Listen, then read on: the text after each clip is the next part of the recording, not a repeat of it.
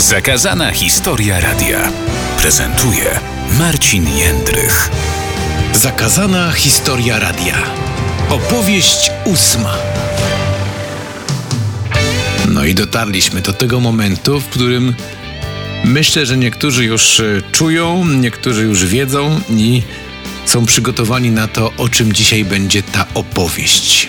To będzie opowieść o ósemce o cyfrze, o liczbie, o magicznym zjawisku, które towarzyszy mi od wielu, wielu lat. Jest to coś naprawdę niesamowitego, bo ja e, właściwie nigdy w moim życiu, kiedy ta ósemka się pojawiła, nie prowokowałem żadnych zjawisk z nią związanych. Może poza paroma wyjątkami, ale w większości to jest tak, że gdzieś coś się wydarzy i zawsze jakaś tam ósemka w tle zagra swoją bardzo istotną rolę. To jest niesamowite, że to przez tyle lat e, się za mną ciągnie, ale też mi się to podoba. To jest trochę jak taki sport. Za każdym razem coś się może pojawić. Do tego jeszcze też e, tą zabawą z ósemkami zarażeni są moi przyjaciele, którzy raz na jakiś czas podsyłają mi właśnie zdjęcia z ósemkami. Słuchacze niektórzy też lubią się w to bawić. No i to jest taka, myślę, że nieszkodliwa, fajna historia, która towarzyszy nam od e, tylu lat. A od ilu lat nam to towarzyszy? To jest dobry moment, e, żeby tutaj zrobić e, taki rys historyczny, jak to się zaczęło i jak to się toczyło przez te ostatnie lata. Musimy się y, cofnąć do y, jesieni 1994 roku, bo wtedy wspólnie z moim przyjacielem Marcinem Wroną prowadziliśmy codziennie od pierwszej do piątej przez pięć dni w tygodniu nocne programy. To był czas, kiedy e, Radio RMF już nadawało e, w całej Polsce, bo dostaliśmy koncesję ogólnopolską w maju 1994 roku. E, no i to też oznaczało zdobywanie nowych słuchaczy, budowanie popularności, pokazywanie, co można zrobić w tym radiu w sposób inny, oryginalny i bardziej zaskakujący, żeby nie iść tą utartą tą ścieżką, nie powielać pomysłów, które już kiedyś zostały w radio wymyślone, tylko robić coś nowego, czego jeszcze nikt nie odkrył, albo po prostu pokazać się z tej najlepszej strony takiej rozrywki, zabawy i po prostu dobrego fanu. E, tu też trzeba powiedzieć, że mm, już wtedy radio w nocy było bardzo popularne, bo to nie jest tak, że tego nikt nie słuchał i że mieliśmy tam pełną dowolność, prawie pełną dowolność, tak nam to wtedy Edward Miszczak e, umożliwił, e, że nikt tego nie słucha, więc możemy robić sobie szaleństwo. Absolutnie nie. Słuchalność była duża, bo wielu ludzi wtedy i tak pracowało w nocy, niektórzy się uczyli, którzy jechali. No po prostu taki normalny świat, normalne życie. Nie wszyscy w nocy śpią. Są tacy, którzy wręcz przepadają za tym, żeby e, właśnie w nocy robić te czynności, które w dzień po prostu im nie wychodzą. I dlatego też proponowaliśmy wtedy słuchaczom różne dziwne zabawy, zaskakujące pomysły, historie, które y, miały sprawić, że ten nocny czas minie im szybciej, sprawniej, przyjemniej będą mieli okazję po prostu pracować na przykład przy radiowym odbiorniku nastawionym na RMF. I wtedy pojawił się ten temat z ósemką, jakoś tak zupełnie niespodziewanie. I zadaliśmy słuchaczom e, w tym nocnym programie takie zadanie, żeby popatrzyli na swoje banknoty, bo tu trzeba teraz przypomnieć, że e, to jest jesień 94 roku, a więc kilka miesięcy przed denominacją, e, bo ona miała miejsce 1 stycznia 95 roku, czyli każdy miał w kieszeni no po prostu harmonię banknotów, bo 10 tysięcy to była dzisiejsza złotówka, a więc te mniejsze banknoty, no to można powiedzieć, że były prawie jak śmieci, no trochę tak to wyglądało, bo te pieniądze były właściwie bez wartości od tych stówek z Waryńskim poprzez właśnie kolejne banknoty aż do 10, 20, 50 czy nawet 100 tysięcy, no to były dopiero takie jakieś w miarę. No 100 tysięcy to było 100 złotych, no więc to już jakaś kwota. I wtedy w nocy właśnie na nasz apel, po tym jak powiedzieliśmy, że szukamy banknotów z największą liczbą ósemek w numerze seryjnym, chyba około trzeciej albo w pół do czwartej w nocy przyjechał facet, który pracował na giełdzie kwiatowej w Krakowie przy ulicy Balickiej i wyciągnął z kieszeni taką no potężną harmonię tych banknotów, bo przecież wtedy e, jakiś obrót bezgotówkowy właściwie nie istniał. No, ludzie płacili kasą, e, karty to mieli tylko nieliczni i no, jakieś bezgotówkowe płatności to też przecież zupełnie nie ta epoka. I on pokazał nam na kilku tych banknotach, takie miał facet szczęście. Tam były nawet po dwie czy trzy, albo może nawet cztery ósemki, to już prawdziwa kareta z ósemek, mówiąc pokerowo.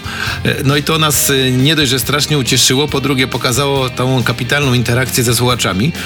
A przy okazji było takim pierwszym punktem zarażenia słuchaczy tą zabawą związaną z ósemkami, która potem przeniosła się na program nadawany od ósmej wieczorem.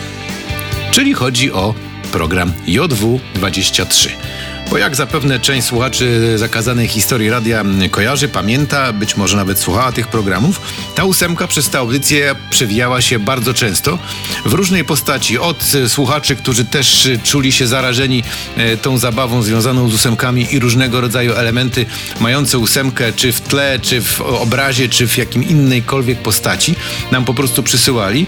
E, albo też my w jakiś sposób się z tym bawiliśmy, począwszy od wydawania naszej kasety, która też miała dwie strony z ósemkami, no i tak dalej, i tak dalej. Tych historii było mnóstwo, ja tutaj nie mam zamiaru dzisiaj ich przytaczać i w jakiś sposób y, i nawet ich porządkować.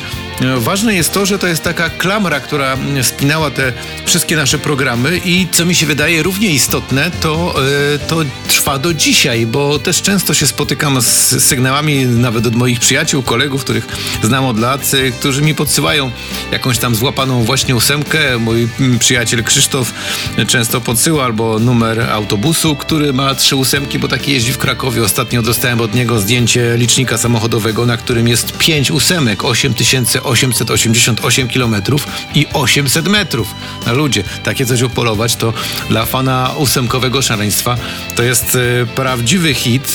Zresztą ja też czasami próbuję sobie tego typu jakieś tam e, akcje wynajdywać, choć tak jak muszę się tu przyznać, no część z tych ósemek, która mi w życiu towarzyszyła, była absolutnie przypadkowa, po prostu takie szczęście. No jeden z tych ostatnich e, przykładów sprzed kilku miesięcy, kiedy oddając te telefon do naprawy. Facet mi wystawia taki dokument przyjęcia do naprawy, a dokument ma y, numer 4 ósemki.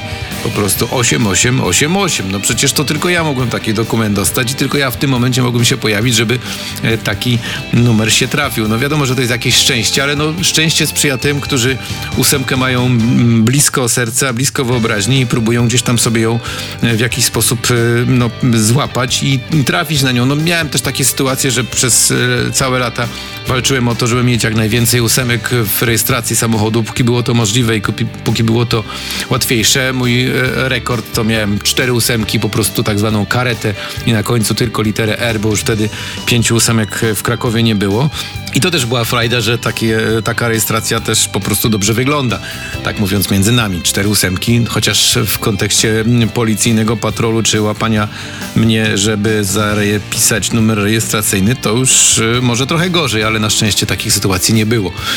Ta ósemka to taki y, symbol też y, tych czasów, takiej beztroski, takiej zabawy i takiego pokazywania, że y, można zrobić coś z niczego. No bo przecież właściwie to, to nie jest nic wielkiego, to nie jest jakaś sytuacja, która można by ją było traktować jako jakieś odkrycie, jakieś wydarzenie, jako coś, co goście wymyślili i się teraz mogą tym chwalić. Po prostu spodobała nam się ósemka, może ze względu na swój kształt, może ze względu na e, te różne e, elementy, które jej towarzyszą i potem już to po prostu poleciało.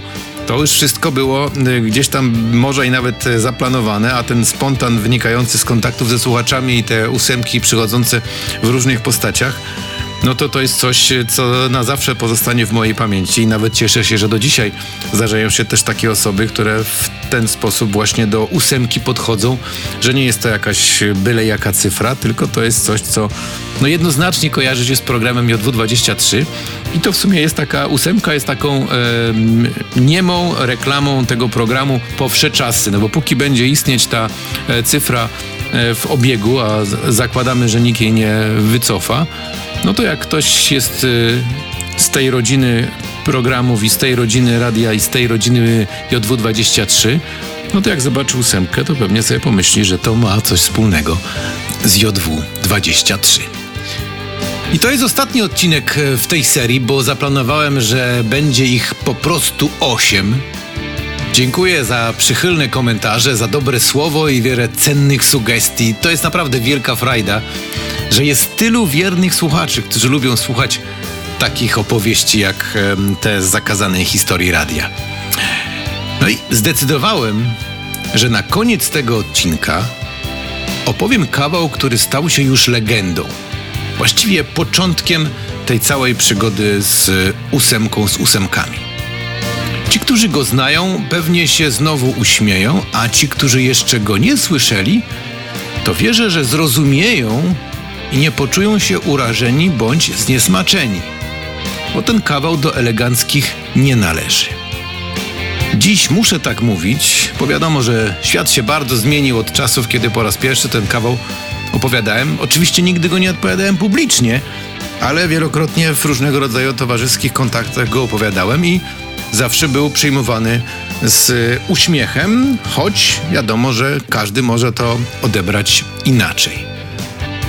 I tu za chwilę będzie przerwa, mm, żeby każdy ze słuchaczy tego podcastu mógł się przygotować i zdecydować, czy chce słuchać dalej i chce posłuchać tego kawału, czy też nie. Po to, żeby potem nie było jakichś niepotrzebnych e, sensacji. Robię ten długi wstęp też trochę, żeby e, podnieść dramaturgię tego naszego dzisiejszego spotkania. Ja opowiem ten kawał, już się po nim nic nie odezwę. To będzie taki absolutny koniec tego podcastu, więc teraz podziękuję wszystkim za uwagę i za e, wszystkie miłe chwile spędzone tutaj przed tym domowym mikrofonem.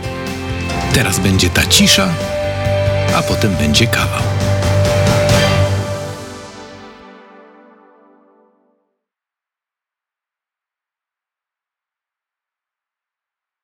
Przyszedł gość do domu uciech cielesnych i dyskretnie poprosił kierowniczkę obiektu o pomoc. Potrzebował bowiem dobrać sobie odpowiedni rozmiar gumowego zabezpieczenia. Miła pani kierowniczka zawołała jedną z pracownic i poleciła jej, by pobrała panu miarę. Ona niezwłocznie to uczyniła. No i jaki to rozmiar? zapytała kierowniczka. Osiem, odpowiedziała pracownica.